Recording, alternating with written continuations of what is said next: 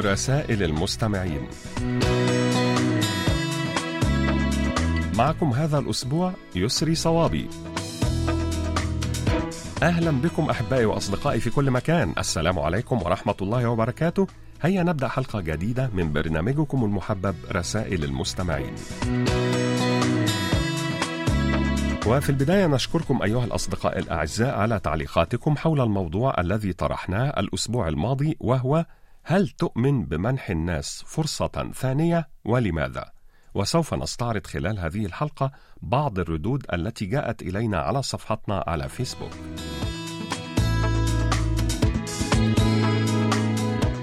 اكتبوا لنا أيها الأصدقاء على صفحة القسم العربي على فيسبوك وأيضا إذا كان لديكم مقترحات بأفكار ترغبون في مناقشتها عبر البرنامج أرجو منكم إرسالها إلى بريد القسم العربي أو إلى ركن رسائل المستمعين.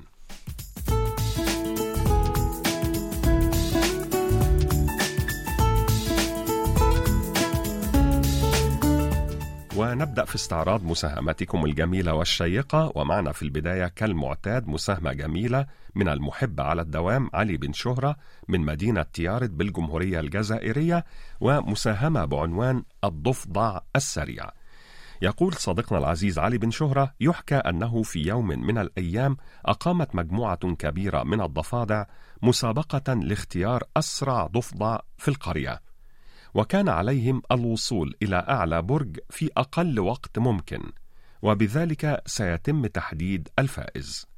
بدأت المسابقة وركض جميع الضفادع باتجاه البرج وبدأوا في التسلق.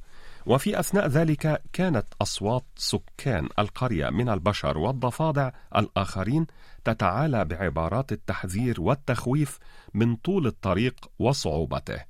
فسمع الضفادع كلامهم وأخذوا يتساقطون الواحد تلو الآخر.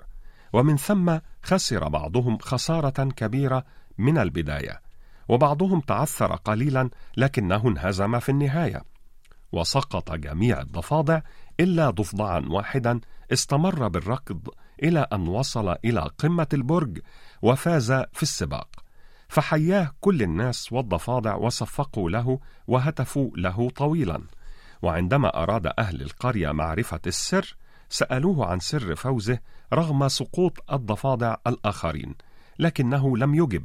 فسألوه مرة أخرى لكنه أيضا لم يجب. سألوه مرة ثالثة وهنا كانت الصاعقة. اكتشفوا أن هذا الضفدع الذي فاز هو أصم وهو ما حماه من سماع عبارات الإحباط والتخويف.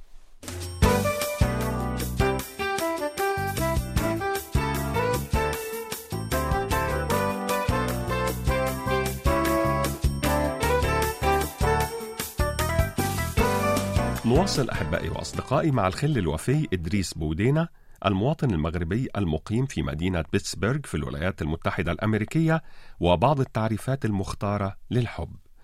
أولاً التعريف الفني للحب الحب هو فن معاملة الشخص المحبوب برقة وجمال، ويتم إنجاز هذا الفن كما في الفنون كافة من خلال الأداء الماهر والخبرة والملاحظة والدراسة والتدريب. والهدف من فن الحب هو إبداع وإنشاء قواعد للحياة السعيدة مع الشخص المحبوب. وهناك تعريف آخر للحب وهو تعريف الاقتصاد السلوكي. حيث يمكن تعريف الحب الحقيقي باعتباره حالة خاصة من نظرية الإنصاف. فالشخص يستثمر عاطفيا ويتم قبول استثماراته ويعود عليه استثماره بعائد عاطفي. ومن الممكن أن يكون العائد أقل من الاستثمار أو أكثر منه.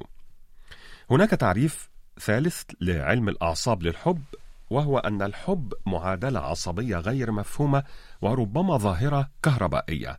ومن المعروف أن الجسم يفرز هرمون الأكسيتوسين المعروف بهرمون المحبين في أثناء اللقاء بين الأحباب. وتوصل الباحثون إلى أن الدوائر العصبية التي ترتبط بشكل طبيعي بالتقييم الاجتماعي للأشخاص الآخرين تتوقف عن العمل عندما يقع الإنسان في الحب. وقال الباحثون إن هذه النتائج قد توضح أسباب تغاضي بعض الأشخاص عن أخطاء من يحبون. تعريف الحب عند الفلاسفة يعتبر أفلاطون أن الحب الذي ليس فيه أي تبادل للمصالح أو الفوائد هو الحب الحقيقي، وهو ما يسمى بالحب الأفلاطوني، وهو الحب الذي لا ينبني على شهوة أو رغبة.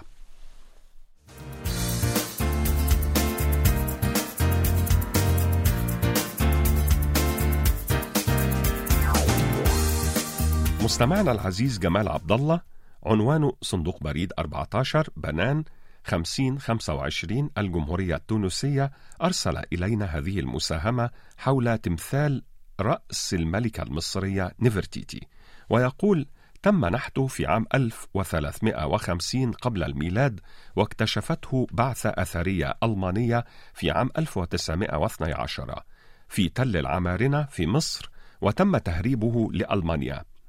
وهو يعد واحدا من أفضل القطع الأثرية المصرية على الإطلاق. وقد أراد الزعيم الألماني أدولف هتلر إعادته إلى مصر وذلك ضمن سياسة التقرب من شعوب المنطقة. ولكن حين زار التمثال ورآه بشكل مباشر اختار الإبقاء عليه في ألمانيا. وتعهد ببناء متحف خاص له.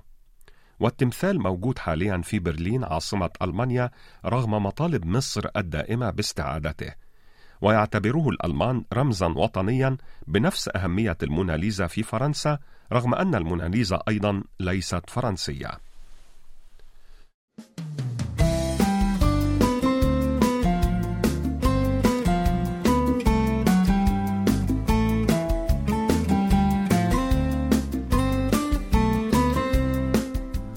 الصديقة العزيزة ربيعة بل يعقوبي وعنوانها حي بهناق رقم 44 منصورة مدينة تلمسان الرمز البريدي 13062 الجمهورية الجزائرية كتبت إلينا تحت عنوان كلمات في سطور تقول ليس من الأدب أن تقول في الغائبين شيئا لم تجرؤ على قوله وهم حاضرون. أنت من تحدد قيمة نفسك فلا تصغر من شأنك حين ترى فخامة الآخرين. فلو كانت القيمة تقاس بالأوزان لكانت الصخور أغلى من الألماس. عندما يبوح لك شخص فاستمع إليه جيدا فهو اختارك أنت من بينهم جميعا فلا تخذله. قال الخشب للمسمار جرحتني. فقال المسمار لو تعلم حجم الضرب الذي فوق رأسي لعذرتني فدائما أحسن النية مع الناس لأنك لا تعرف ظروفهم.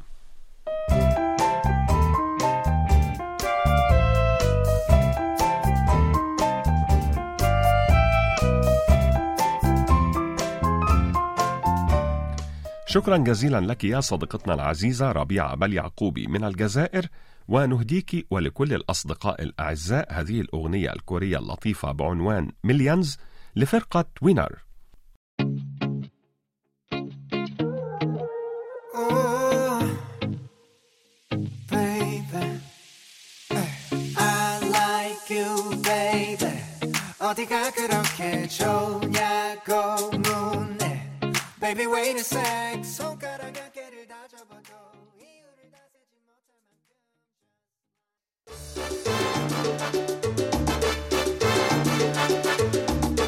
الآن إليكم أحبائي وأصدقائي بعض الردود السريعة عن رسائلكم أحبائي وأصدقائي أدعوكم جميعا لإرسال مساهماتكم وتسجيلاتكم الصوتية ومقترحاتكم وأفكاركم حول برامجنا. مستمعنا الوفي أبو علي مؤمن من الكاليتوس بالجزائر نشكرك على هذه المقولة ما قاله لنا أحد الشيوخ في جلسته مع رفاقه بقي راسخا فينا وهو ألا ترهق نفسك بالتفكير فليس كل الأمور نحن من ندبرها. فأحيانا حين تعجز حلول الأرض تأتي الحلول من السماء. وما عليك سوى الدعاء. ونشكرك يا صديقتنا المخلصة وراصدتنا الرسمية أوج شيماء من العاصمة العراقية بغداد على هذه التعريفات. الزميل هو من يرافقك في العمل أو السفر. القرين هو من تلازمه أنت. النديم هو من تجالسه على شراب. الجليس هو من تجالسه والسمير هو من تحدثه ليلا وأخيرا الأنيس هو من تفرح بحضوره.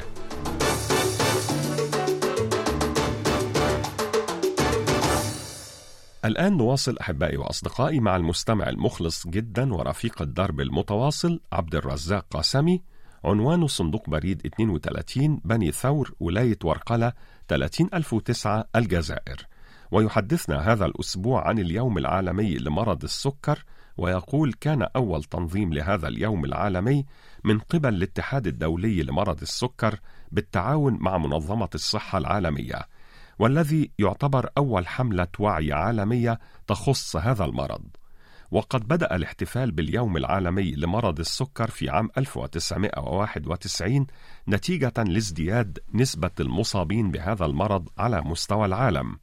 ويشارك فيه أكثر من 350 مليون شخص حول العالم. وتم اختيار يوم الرابع عشر من نوفمبر لأنه هو نفس يوم ميلاد فريدريك بانتينغ الذي توصل إلى اكتشاف الإنسولين في أكتوبر من عام 1921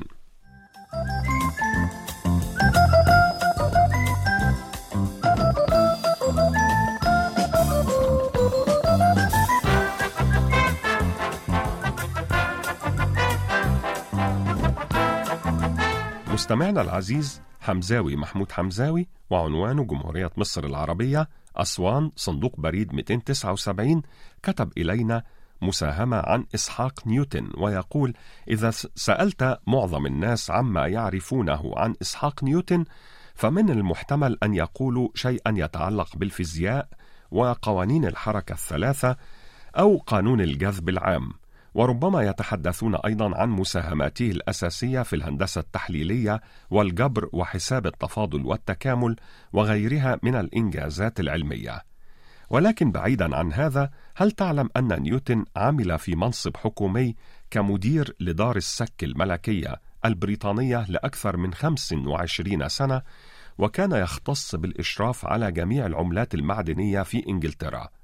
فقد أراد نيوتن الحصول على هذه الوظيفة بعدما شعر بالملل من وظيفته بهيئة التدريس في جامعة كامبريدج. وقد سعى نيوتن لأن تكون العملات في دار السك الملكية دقيقة وموثوقة بقدر الإمكان مع مراعاة تقليل الفروق بين العملات وبعضها لأقل درجة ممكنة حتى إن دار السك الملكية كتبت على موقعها الحالي إنها سمعة نحن فخورون بالحفاظ عليها حتى يومنا هذا. وقام نيوتن بنفس العمل لإسكتلندا عندما انضمت إلى المملكة المتحدة حيث قام بتوطيد العلاقات مع أدنبرا والمملكة المتحدة نظرا لصداقاته الكثيرة مع مدراء المصارف في أدنبرا.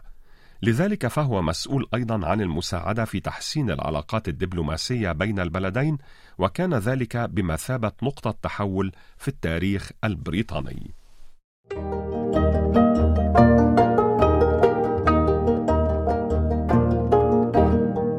قضية الأسبوع. وموضوعنا هذا الأسبوع هو هل تؤمن بمنح الناس فرصة ثانية ولماذا؟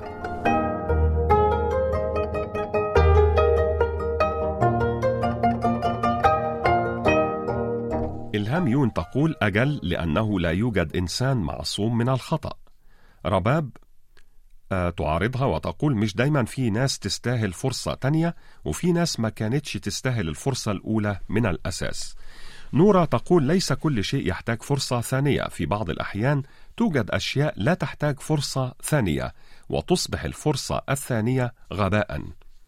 الصديق محمد صالح عنوز من اليمن يقول على حسب نوع الخطأ إذا كان بسيطا يغتفر يمكن إعطاء فرصة ثانية أما إذا كان الخطأ قويا فلا يمكن إعطاء فرصة ثانية. على سبيل المثال الغش. زينة خضر تقول نعم لأن ليس كل البشر سيئين. الصديق عبد المحبشي من اليمن يقول نعم لابد أن نمنح الآخرين من حولنا العفو والسماح والفرصة فالحياة تتغير وتتبدل ومهما أخطأ الناس فبلا شك سيتعلمون من أخطائهم. لا يوجد إنسان لا يخطئ ولا يوجد إنسان لا يريد أن يصحح من أخطائه ويجب أن نساعد أفراد المجتمع لتصحيح المسار والتغيير نحو الأفضل ولن يتم هذا إلا بمنح الفرصة والتقدير.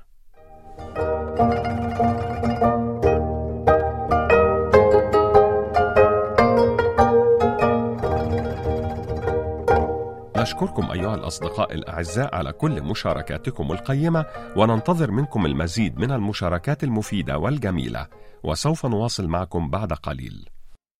نواصل أحبائي وأصدقائي مع الصديق الدائم بإذن الله محمد بدوخة عنوانه صندوق بريد 98 العلمة 19600 ولاية سطيف الجمهورية الجزائرية وأرسل إلينا هذه المساهمة.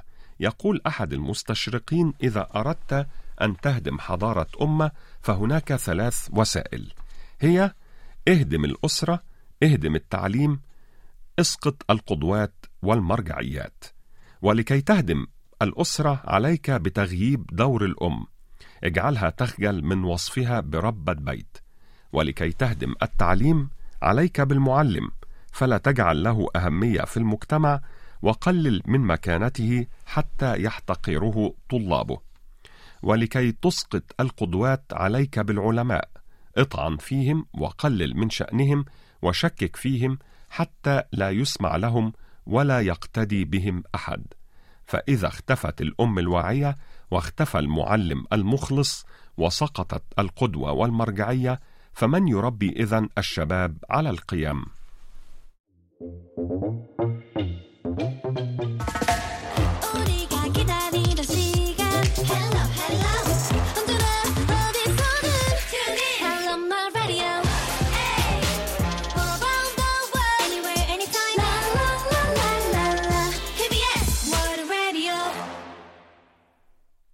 الآن نختتم حلقة هذا الأسبوع أيها الأصدقاء مع هذه المساهمة الجميلة من الصديق العزيز عبد الإله إزو من المملكة المغربية وهذه الحكم المختارة.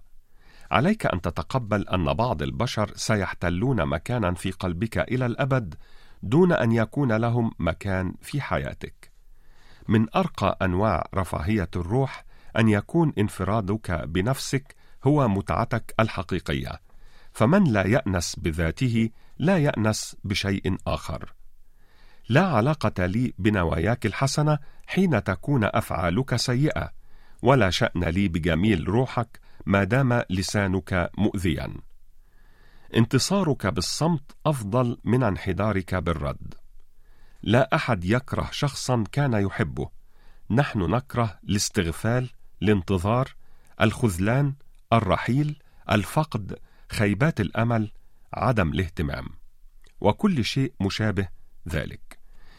إن المقياس الحقيقي للإنسان يكمن في الطريقة التي يعامل بها شخص لا ينفعه في شيء على الإطلاق. كم هي هائلة وعظيمة الشجاعة التي يتطلبها النهوض من السرير كل صباح لمواجهة الأشياء نفسها مرارا وتكرارا.